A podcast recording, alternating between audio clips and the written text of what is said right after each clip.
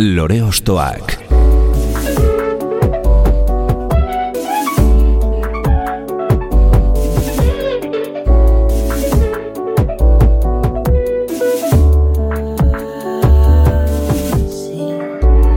Ekain perezek aurkeztuta, gonbidatu bakoitza lore bat balitz bezala ostokatuko dugu. Jakiteko, zeintzuk diren bere lore ostoak. Haupa, zer moduz, ongietorri lore ostoak saiora. Gaurkoan, mila bederatziun da laurogeita amabostean, donostian jaiotako artista bat ostokatuko dugu. Txikitan, akordeoia joa izan zuen musikarekiko lehen kontaktu zuzena, eta amabi urterekin bere abesti propioak sortzen hasi zen, akordeoia alde batera utzi, eta gitarra naiz pianoaren konpainian. Hainbat proiektu eta ekimenetan ibili izan da eta dabil, besteak beste, The Roof edo Nerabe taldeetan, baino gaur bere bakarkako proiektuan murgilduko gara. 2018an kaleratu baitzuen Iru izeneko lehen albuma eta bere bigarren lanak 2008an ikusi du argia bat izenpean. Soinu ambiental eta ameslariz osatutako pasarte ilunek hartu idute maiz, bere abestien pisua, baino bere ahots goxoak kontrapuntu moduan jolasten du beti, emaitza hipnotiko bezain ederra lortuz. Hau lore ostoak da, eta gaurko gure lorea, Sara Zozaia.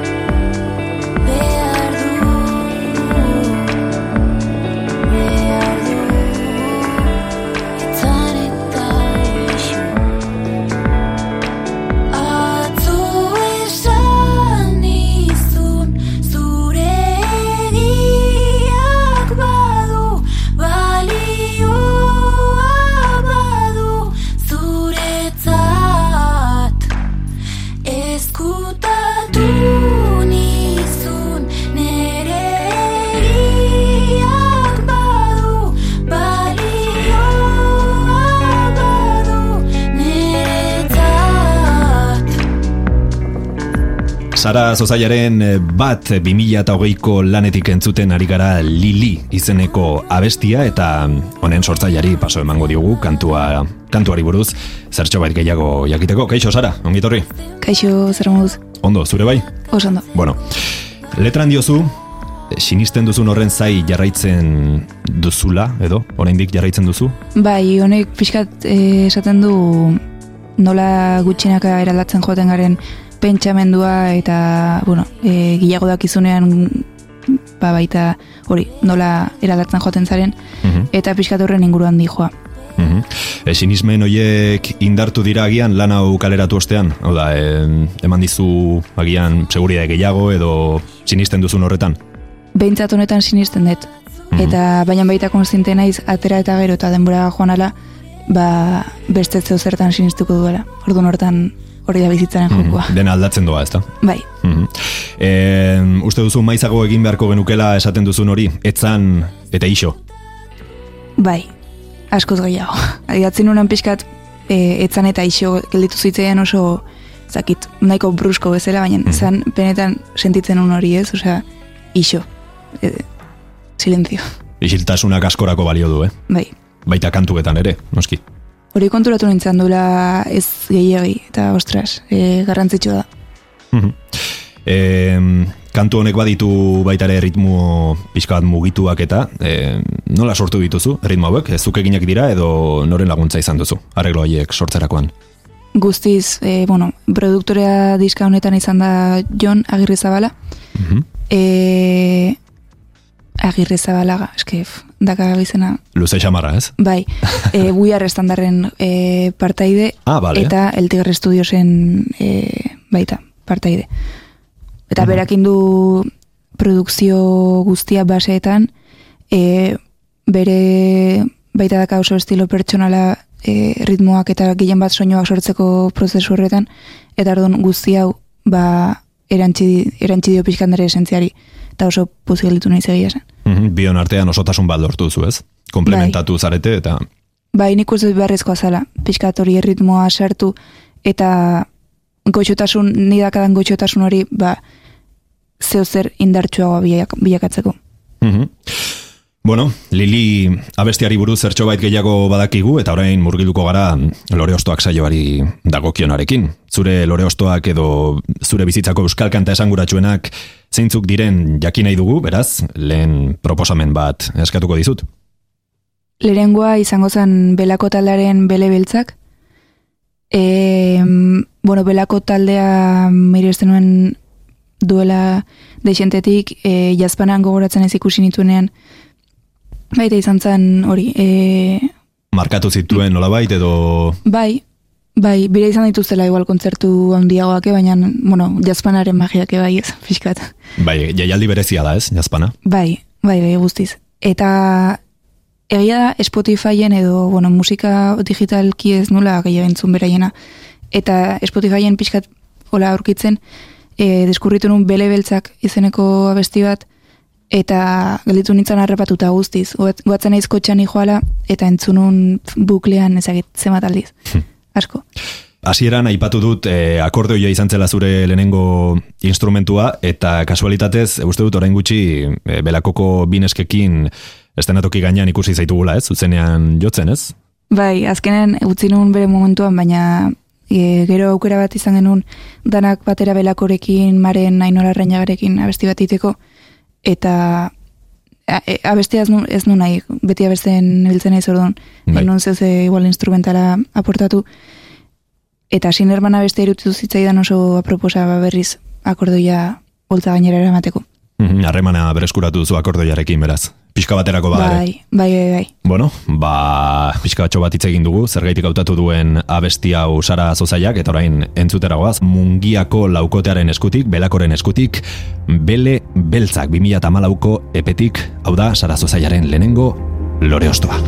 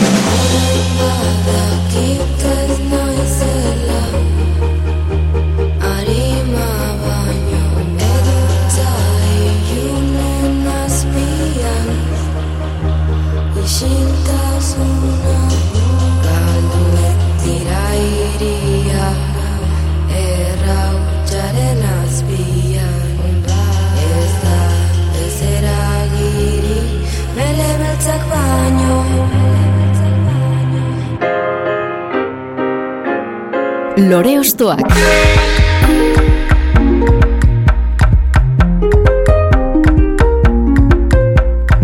Belako taldea entzun dugu euskera zabesten okazio honetan, naiz eta gehienetan inglesez egin ohi duten. E, zuk ere zara? Ez duzu mugarik zentzu horretan, ez? Orain bai, Orain bai? bai, ze konturatu naiz ingelesa galdu dudala guztiz. Mhm. Bueno, guztiz igual ez, baina asko bai, lehen erabiltzen nuen egin gehiago, eta eta iritsi zen puntu bat esan nula, ostras, eske inglesakin ez dut zer komunikatu. Mugatzen zaitu nola baitez? Bai. Mhm. Mm. Eta orain, e, aurrera begira, beraz, e, euskera egiteko, bueno, kantu bat gaztelera zere baduzu ez, Mhm. lan honetan? Bai, karo, pixka da, eh, Errezagoa da agian gazteleraz ingelesez e, baino, e, Bai, baina fon, fonetikoki egia da gaztelera oso zaila dela. Claro. Mugatzen zaitu agian beste zentzu batzutan. Bai, eta oso kutre gelditu daiteke, bai, Claro. oso kursi. Bai, baditu estereotipo asko ez, e, lotzen dituzunak segituan ez, e, gaztelera segitean abesti bat edo. Bai, bai, bai, baina bueno, hortan nabil baita, aurkitzen pixka letra egiteko modua. Mhm. Bueno, jarrai dezagun zure lorostoekin, e, urrengo autuaren bilagoaz. Bueno, ba, urrengoa izango zen txomin hartola, eta bere abestia txakurraren partia. Mhm. Eta zer dakarkizu gogora abesti honek edo em, txikitan entzuten zenuen gurasoekin edo nola nola ezagutu zenuen abesti hau? Bai, aitak zezkan diskapila bat etxean eta mm, iluntzetan ohitura genekan ba salako maila albo batean utzi eta musika jarri eta dantza egin o futbolan jolastu, bueno. Karo, horri ikusten un sala izan hain handia baina txikitan bai pentsatzen baiet. Claro. Eta horietako bestea zan txakurraren partia eta e, entzuten un bakoitzean negarra iten un, ze Mhm. Hori imaginatzen un txakurra, Bai. bueno, bakizu zertaz joan Bai, txuriko, ez? E, Txuriko. txurikoren txakur, bueno, txakur arrantzale bat edo, ez? E, Bai. Historio polita dago, eh? Letraren atzean. Bai, eta Mhm. mm. iten zitzaidan ezakit, oso gogorra bezala, eta ezakit, zan historio potentea, ez? Mhm. Eta txikitan hori gelditu zitzaidan. Bai, ederra, baino bukera tristarekin, ez? Uzten zaitu pixka bat ola gorpu zarraroarekin, ez? Bai, bai, uretan murgildu zan txuriko Claro, hori da. Beraz, nostalgia puntu bat edo sortzen dizu abesti honek. Bai, Mhm. Bueno, ba, bagoaz, entzutera, txomin hartolaren txalupa gainean jarriko gara, mila bederatzen dira urogeita amabosgarren urteraino goaz, orduan kaleratu baizen olasta diskoa, eta bertan, sartu zuen txomin hartolak, txakurren partia abestia, hau da, Sara Zozaiaren urrengo lore ostoa. Gu gazte gina dela txalupa guziak Zakurtxo bat oizuten ontzi barrenian Begi ernea bila, etzan zaunkaria Igezi joan arraia, arrapatzailea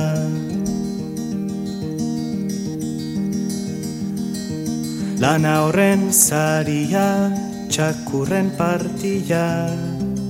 Deitzen genion guziok ongi merezia Maitea maitea zan, txakurre iztaria Txalupa betetzen zun, animagabia Unea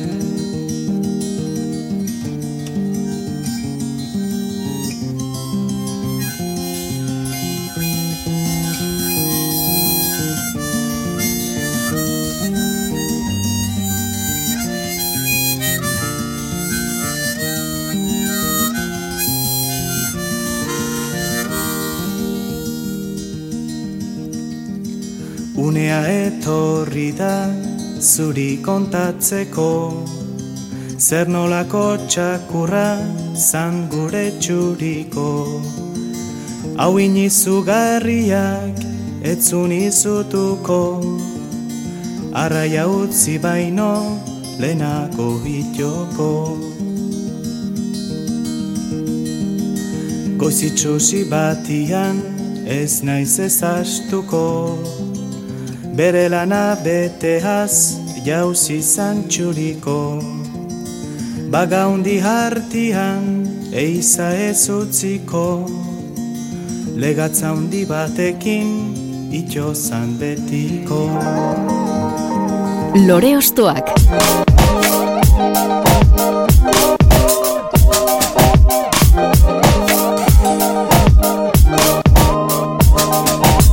Sara Zozaiaren gomendioz e, Txomin Artola ondarbiararen txakurren partia abestiarekin izan gara arrantzaleen historio mm, triste honekin. Gainera, e, Fernando Artola bordari poeta eta idazlearen semea omen da e, Txomin Artola eta beste honen hitzak e, berak idatzi omen zituen, e, bere aitak. Eta, bueno, komentatzen ari ginen nola bukaerako esaldi horrek ba, pixka bat usten zaituen, mm, ostras, e, zapore mikatz batekin, ez? En, legatz handi batekin itxozan betiko. Zer suposatu zuen zuretzat en, esaldi horrek, txikitan? Ba, eske oso grabatuta gelditu zitzaidan guz, e, gehien bat betiko hori ez. Mhm. Eta nik ustetor e, ulertu nula igual zertzan eriotza. Ze itxo, bueno, itxo zaitezke baina eske betiko. Claro, horrek ja esaten du ez dela itzuliko, urazpitik ez? Bai, sortu zidan sentsazioa oso harraro izan zen. Mhm. Eta eta igual horregatik gelditu zait. Mhm. Bueno, ba, jarraituko dugu, txomin hartola alde batera utziko dugu, eta aurrengo lore ostoaren bila goaz, zein da aurrengo zure proposamena, Sara? Bueno, urrengoak laguna ditut, Aha. e, Madeleine taldekoak eta haien sumendia bestia. Mhm. Eta zergaitik abesti hau, eta ez beste bat? Zer, Ba- zer ikusten diozu abesti honi bereziki, edo Irutzen zaita besti perfektu bat, osea, nire, mhm, nire zure buruan, eh? parametroetan, edo Eskezak izan, ez da parametro baina askotan Ja. igual abesti bat entzuten zuaz eta jo, estrebilloa igual beste zeu ze espero nuno ezakitez eta besti hau entzuten nun eta progresio guztia irutzen zait klabau, osea, zuretzako egina izango balitz bezala, ez? hori bai, Sentitzen bai, duzu. guztiz. Osea, osotasunean dago oso oso ondi eina, nire Mhm. parametroentzat. baina Aha. Gaztxotun zain da bertako abeslaria, bueno, kantu honetan benik behin, eh, hitzak berak idatzitakoak dira baitare, edakidanez, e, zu partezaren nerabe proiekturako ere berak idatzi zituen hitz batzuk, ezta? Gainera? Bai, bai, bai. Ingen hor lan deixente letren prozesuan eta izan zen oso polita, berak dakan gaitasun hori letrakiteko eta kontzeptuak sortzeko, ze kontzeptu as- asko sortzen ditu, e, bai izan zen elkarrizketa batzuen bidez, nik kontratzen nion pixka eta bestia nola ba, nora nahi nun igual enfokatu ez, eta berak sortzen zituen kontzeptuak, letrak, eta bada pertsona bat kriston habilidadea eta kriston kapazidadea dakana, hau da egiteko. Eta Madeleine taldean, ba, ba baita ikusten da. Mhm. E, oraingo bakarlan honetan, letra gutziak zukidatziak dira? Bai, eta neraben e, Tokion diskatik aurrera baita datu, Hortik aurrera ere datozenean, zuk eginak dira. Bai, Eta ze prozesu ematen duzu hitzak idazterakoan? Hau da, e, lehenago aipatu dugun etzan eta iso, ariketa horren barruan sartuko zenuke hitzak idazteko prozesua, baita ere? nik uste dela e, momentu batzuk izaten ditut igual ezagit loin aurretik gehienetan bai, eta altxaberri izaten naiz eta idatzi eta Ze etortzen zaizkizu agian ideiak eta ostras, hau idatzi behar dut, Bai. edo ez dut utzi behar joaten, edo... Bai, eta asko baita kotxean natorrela, igual bilboti hueltan edo mungilati hueltan, izaten dira em, kotxeko bidaiak oso kreatiboak egiten zaizkit. Mhm. Eta orduan nijo igual hor zeo zer errepikatzen eta mm, grabatzen juten naiz mobilen. Bai. Ni ere oso kotxe zalea naiz horretarako, bai, Bai. bai musika entzuteko, eta Entzuteko. beti iruditu zait eh, espazio bat, musika analizatzeko oso egokia, ze azkenian paisaia bat ikusten zoaz, eta igual hori da. entzuten duzu musika modu pasiboago batean, ez? Bai. Ez haude eh, kantua analizatzen edo detaile bakoitza, baizik eta osotasun batean ikusten duzu, ba, bideoklip baten parte izango bazina bezala, ez? Guztiz, eske da kanpoko osoa izango balitz bideoklip bat. Orduan, musika da horren parte, eta ikuste duzu igual ze zentzu dakan osotasun batean, ez bakarrik pieza musikala kontuan hartuta. Mhm.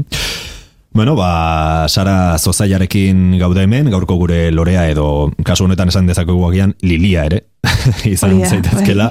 Eta bueno, zu ostokatzen jarraitu nahi dugu, beraz, e, urrengo kantua entzutera joko dugu Madeleine taldearekin, hau da Sumendi kantua, zu ura 2000 eta emezortziko diskotik Madeleine.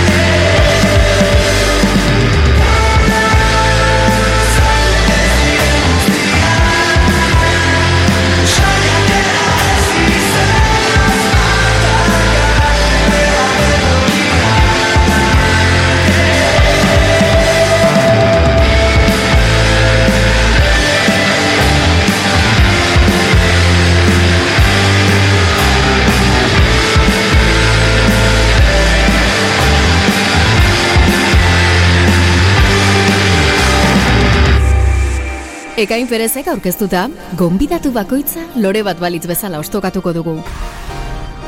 Lore ostoak.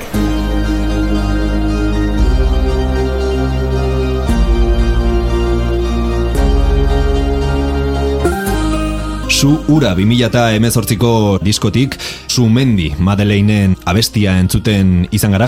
Esan diguzu Sara gainera zure lagunak direla Madeleine taldekoak eta gertuko harremana duzu beraiekin, oraindik ere, ez? Bai, bai, bai, eta espero dut mantentzia. Bueno, ba, Madeleine taldearen sumendiak estanda egin ostean, Sara Zozaiaren lorategira itzuliko gara, eta urrengo ostoa zein den jakin nahi dugu. Ba, urrengoa da, e, ezin baitut, kantu bat napoka iriarena. Mm -hmm. Napoka iria, ibilbide laburreko taldea izan zen, baino bai utzi zuela nola baiteko arrasto sakona, ez, Euskal Herriko lurraldeetan. Nik uste baiet, nik uste gauza oso berezia intzutela eta ba referente baita bilakatu zian ere ustez. Mm -hmm. Zuzenean ikusteko aukera izan zenuen? Ez. Ez. Ez. Pena bat. Pena bat. bai, ze, bai sortzen zuten giro oso berezia, eh, zan dezaket intimismoaren eta euforiaren artean, edo oso formatu txikian beti, mm biak estenatoki gainean, eta adibidez zu, ze formatutan sentitzen zara erosoen estenatoki gainean, formatu txikian, ala talde oso baten babesarekin? Ba, bueno, talde oso baino, e, irukotean sentitzen ez gustora. Orainaren ez eskubritzen. Eta, bai, osea, gustatzen zait, linea bakoitza ondo ulertzea, musika instrumentu bakoitza ondo ulertzea, ez egotea igual, kaos handi egirik, e, abestiak eskatzen duenean baino ez, baina, bai. ez dakit, e, ez nahiko gutx egotea gustatzen zait, berez. Mhm. Eta ari nahi zoren deskubritzen. Talde hau izan zen pixka deskubritzeko nola abestigat gitarreta hauts batekin e, posibilidan zeuze ikaragarri sortzeko ez, entzulean gan. Mm gutxirekin asko sortzeko intentzioarekin edo ez? Bai, erabantzian pixka minimalismoa ezagutzera ba, musikaren e, musikaren barruan. Eta, Mhm. bai, hori da gehien bat igual. E, pentsatzen dut, esaten duzun arira, e, Sara Zozaia edo, bueno, proiektu honetan, e, agian zure pertsonalitatea gehien helarazi dezakezun proiektua dela, ez? E, agian beste proiektuekin konparatuz. Osa, zu Guztiz. zara e, inoiz baino gehiago, ez? E, Sara Zozaia honetan. Bai, bai, bai, bai. Eta hori da pixkat. E, baita, igual gehien bat nire buruari gogoratzeko ez, osea, inda ez zuna, osea, Mhm. zure espazio bat. E, noski beste gandik ikasteko, zuri bai, niretzat garrantzitsuna baina, hori, libreki lideratzeko proiektua. Mhm. Bueno, ba, entzungo dugu. E, Sara Zozaia, bezlari donostiararen urrengo proposamena, kasu honetan apokairiaren ezin baitut abestia e, proposatu digu. Beraien 2006an kaleratutako maketatik, hau da, Sara Zozaiaren urrengo lore ostoa.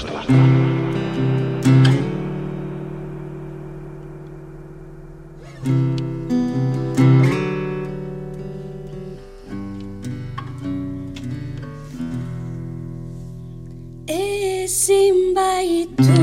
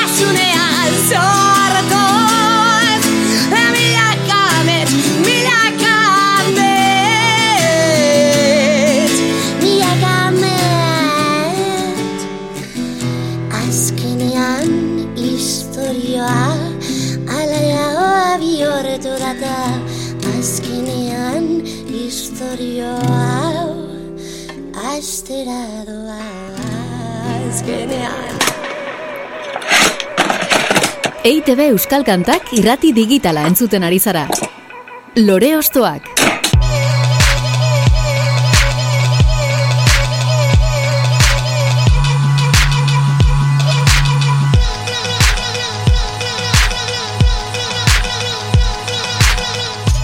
Gaur egun maiz moduan ezagutzen dugun miren arbaizaren ahotsa entzun dugun apokairiaren maketako ezin baitut abestian, e, hautatu duzun abesti hau, e, esan dezakegu ez dela napokaren abesti ezagunenetakoa, e, Spotifyen eta horrela ez dago entzun gai, nola iritsi zinen kantu honetara. Ba, besteak ezagutu gabe. Eta, bai, em, ez dakit nola izan zan. Nik uste mm, Finlandian nagonean, ez dakit nola Ah. izan zan, baina, bueno, YouTubeen batek pasazian abesti hau, eta horrekin gelditu nintzen pixkat kolgatuta, eta beste guztia gehiagi ez nuen e, deskubritu, Mhm. eta hori pasatzen zait deixentetan. Zuri bai, uste? Bai, bai, bai, bai, gertatzen zen baita ere.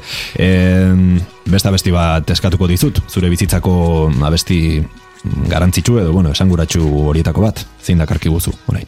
Ba, Benito Lertzun diren gaua eta ni, e, Mhm. olatzu gazterekin abesten duna. Eta, e, zer sortarazten dizu abesti honek, entzuten duzunean?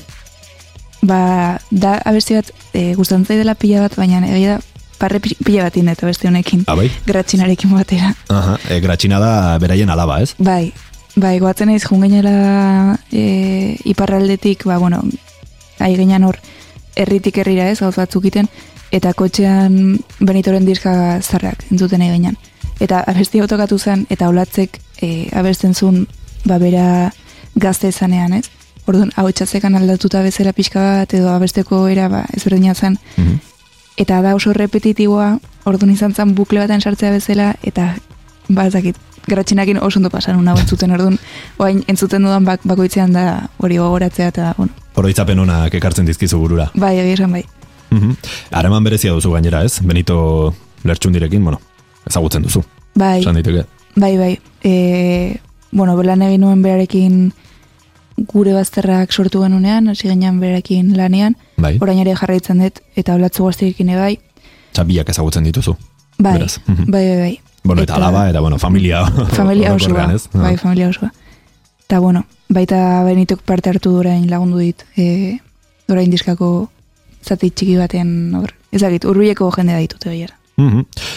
Bueno, ba, oraingoz, hau entzungo dugu Benito Lertxundi eta Olatz Zugastiren gaua eta ni, esan bezala, gaueko ele isilen baladak, mila bederatziun da laurogeita bosteko diskotik hartu dugu, hau delako, Sara Zozaiaren urrengo lore ostoa.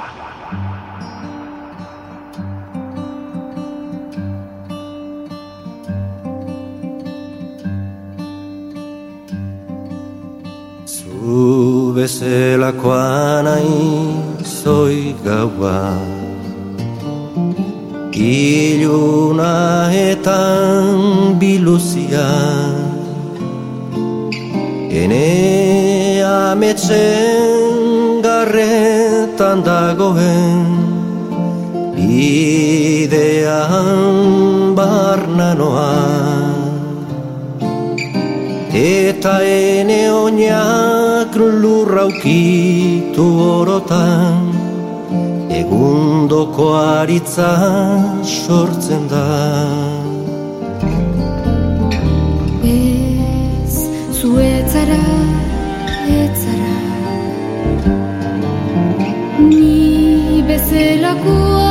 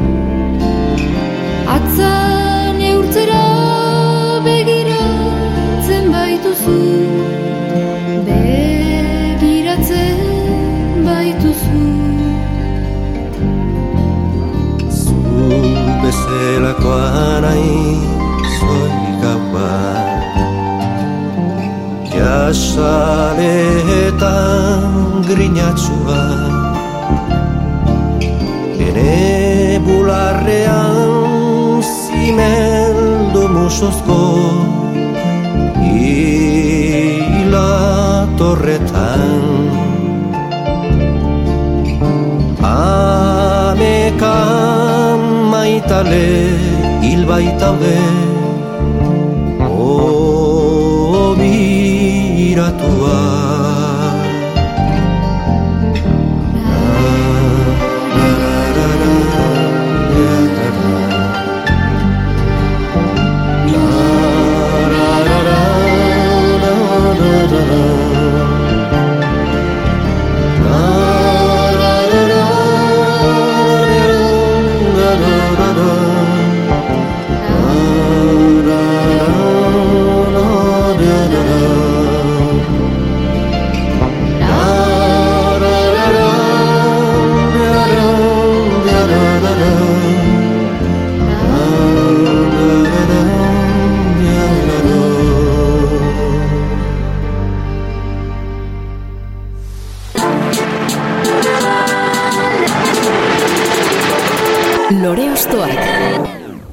Benetan, hasi nintzenean, benetan. Benetan, hasi nintzenean, benetan.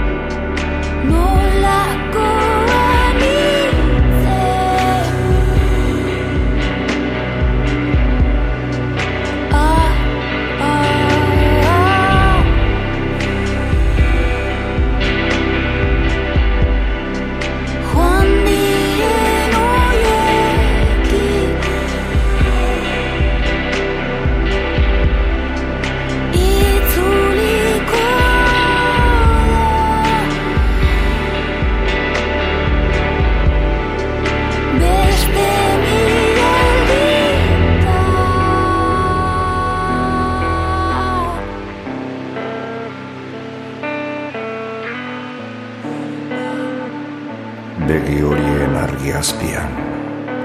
Iri gautiarra ezan da isiltasunean. Apurtu bihotzen hauena airean.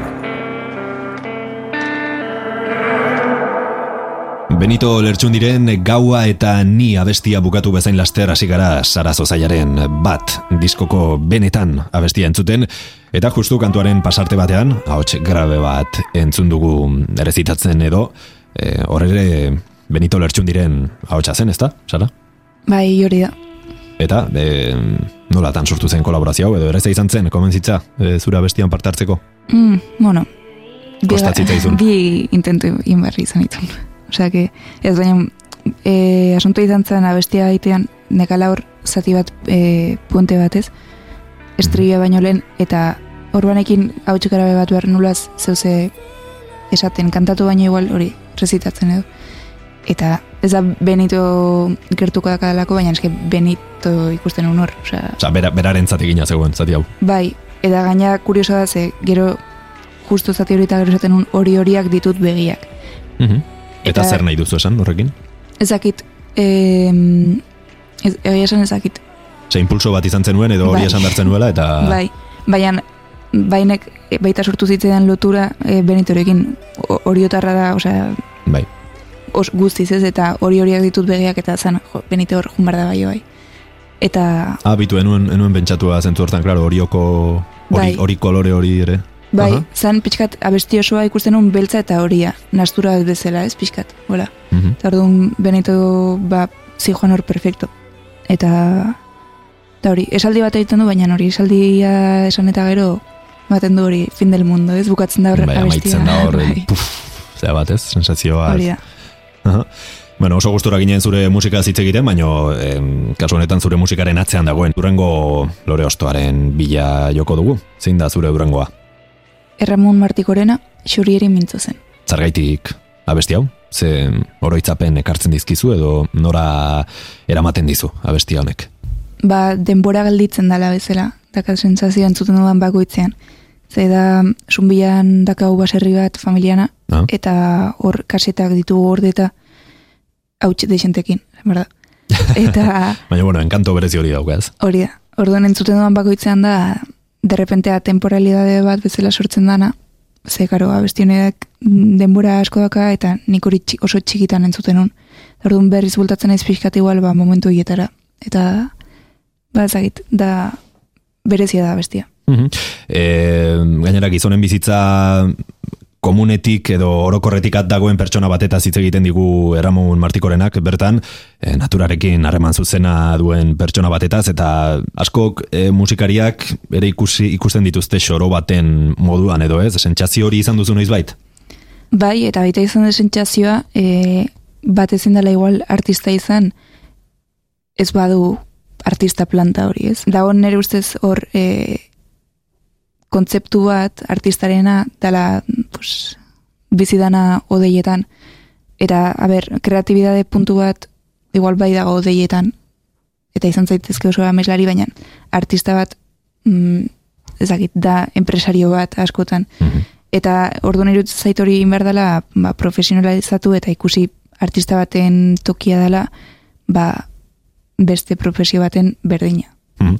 Bueno, ba, empatizatuko dugu guk ere refleksio hauek eginez, Erramun Martikorenarekin, en, xorieri mintzo zen, hau da Sara Zozaiak ekarri digun urrengo proposamena, mila bederatzen da laurogeita amairuraino goaz, baigorri ingurura, Nafarroa beheran kokatuko gara, olerkarien oihartzun diskoa irekita, hau da xorieri mintzo zen.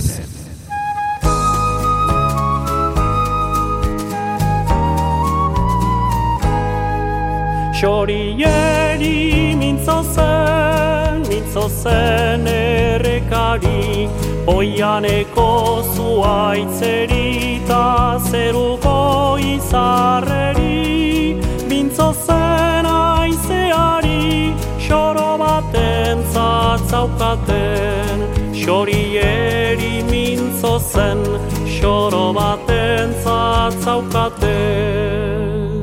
Ezakien irakurtzen gizonen liburutan, baina nongi bazakien zeruko seinaletan, zeruko seinaletan, ta jenden bihotzetan. Xorieri mintzo zen, mintzo zen Oianeko zuaitzeri ta zeruko izarreri, mintzo zen aizeari, xoro baten zatzaukaten, xorieri mintzo zen, xoro baten zatzaukaten. Aurrek zuten harrikatzen, zahar gaztek trufatzen, etxekoek bere kongi, laneko baliatzen, laneko baliatzen, eta goxez pagatzen. Xorieri mintzo zen, mintzo zen errekari, oianeko zuaitzeri ta zeruko izarreri, mintzo zen aizeari, xoro baten zatzaukaten, xorieri mintzo zen, xoro baten zatzaukaten. Lore Ostoak.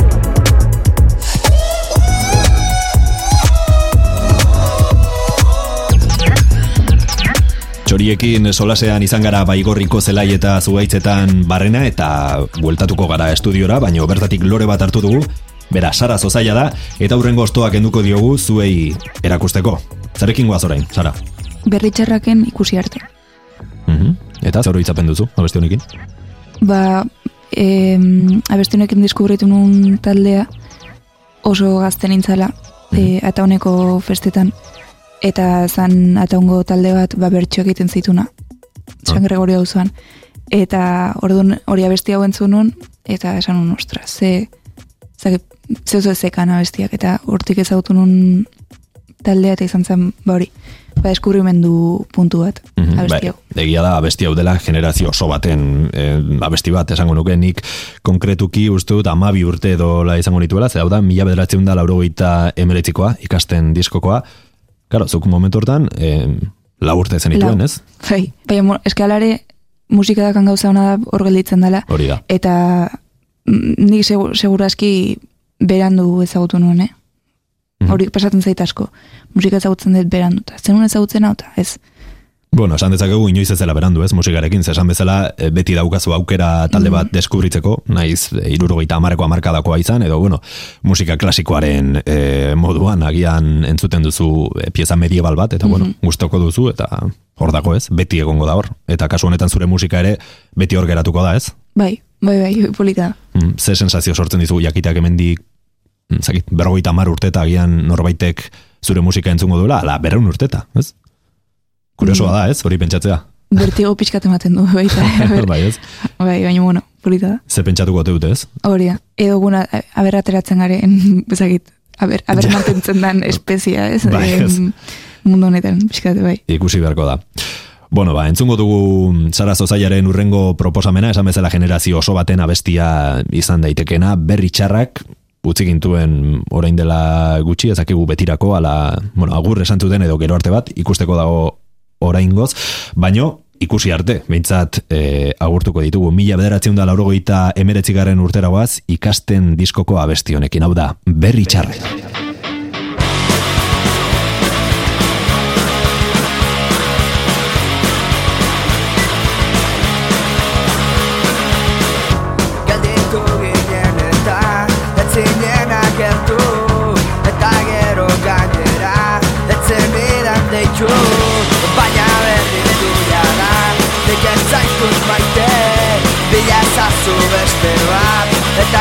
Eta ikusi arte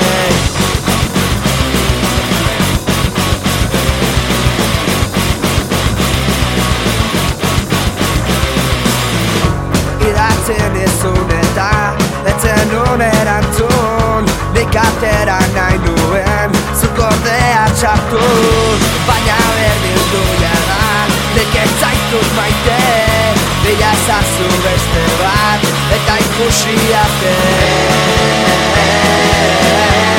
Ikusi arte Ikusi arte ikusi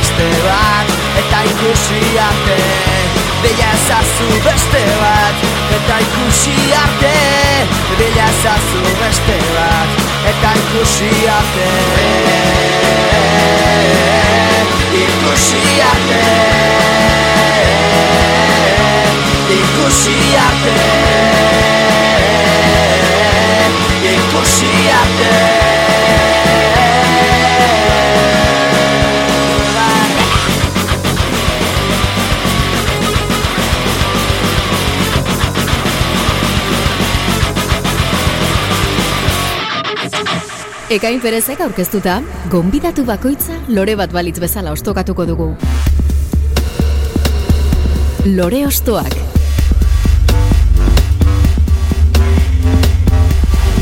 Berritxarraken ikusi arte, komentatzen ari ginen orain entzuten ari ginela, ze kantu laburra eta zuzena, baino zen, zenolako impactua sortu zuen ez? Horren, bi minutu eta pikoko hiru minutu baino gutxiagoko kantu batek zenbat denbora iraun dezaken ez? Pixka bat, eh, paradoja bat dirudi. Bai, bai, bai, gainera hola abestiak hain zuzena dianak eta hain konzisoa dakate igual indar gehiago. Mhm. Bueno, e, berritxarraken ikusi arte entzun dugu eta beste, beste lore osto bat nahi dugu, Sara? Bueno, azkeneko abestia duplaren badatorra bestia, e, isa sakara ezaken nola esaten den, no? Bai, isa sakara. Mhm. Hori da, bereiekin.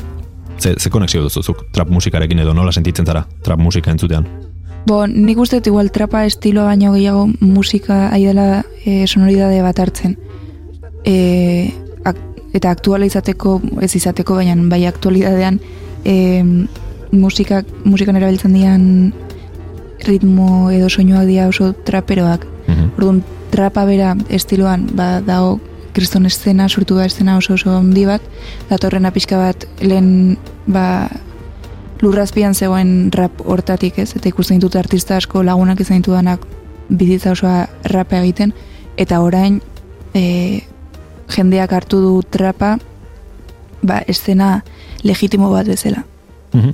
Bueno, ba, guazen bat trap doinuekin, e, kasu honetan dupla eta isa sakarak elkarrekin egindako abesti honetan badator folklore diskotik 2008an kaleratutako diskotik, hau da, Sara Zozaiaren urrengo proposamena. Nagusiak Zero bat bi Zero zero eh. Folklore Zuek pila tarotzekotan Nik ba daukane poltsikotan Espresarik izan hartu lasaiman. Probatuko duzu edo zen momentutan. Gazte denak goxe dira Gauero droga berri baten bila. Herri guztietan soinu berria. Kale guztietan bira eta bira. Gustoko azutela esan zidaten. Etxean prestatuta hasi ginen salten Yeah, olatu berria. Badator, aterpean ertzaitez Ekia mentira, folklore berri da Eta horren ari da, aspertutan zue baino tira. Uh, Hemendik ikusten dut zuen begien distira Zuek pia tarotzekotan Nik ba daukane poltsikotan Espresarik izan hartu lasaiman. Probatuko duzu edo zen momentutan. Zuek pia tarotzekotan Nik ba daukane poltsikotan Espresarik izan hartu lasaiman Probatuko duzu edo zen momentutan Lore Ostoak.